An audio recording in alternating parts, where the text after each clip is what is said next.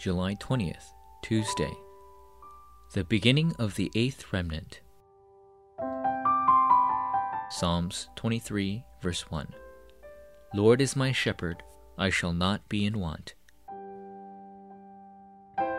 Remnants will receive answers if they are not fooled by their circumstances or the words of others, but begin as they grab hold of God's word. God will reveal his vision if we grab hold of the covenant and enjoy the blessing of continuous and scheduled prayer. One day we will receive the power that God provides us, and it is only then that we can have the correct start. Number 1. Correct eyes. If we open our eyes correctly, the problems in our family will become the answer to our lives. In addition, hardships will become the platform for success. The difficulties in the past are something we can be thankful for and the reason why we can take up challenges.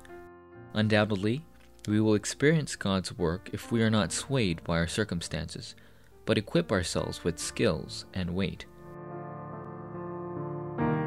Number 2 genuine blessing. We will come to see what is important if we come to know the time schedule of God. When problems come, we will see that answers are hidden behind those problems.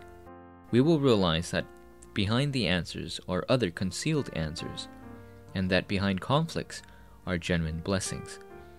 As long as we don't become arrogant because of answers or shrink back because of conflicts, we will absolutely receive genuine blessings.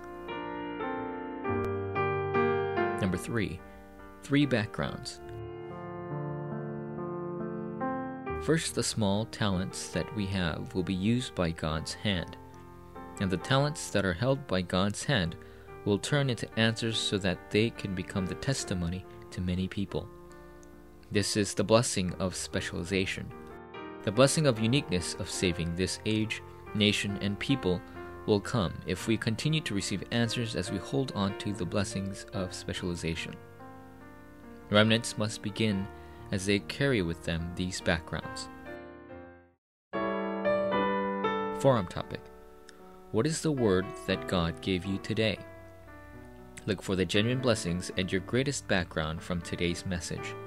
This is the beginning of the eighth remnant that God is pleased with.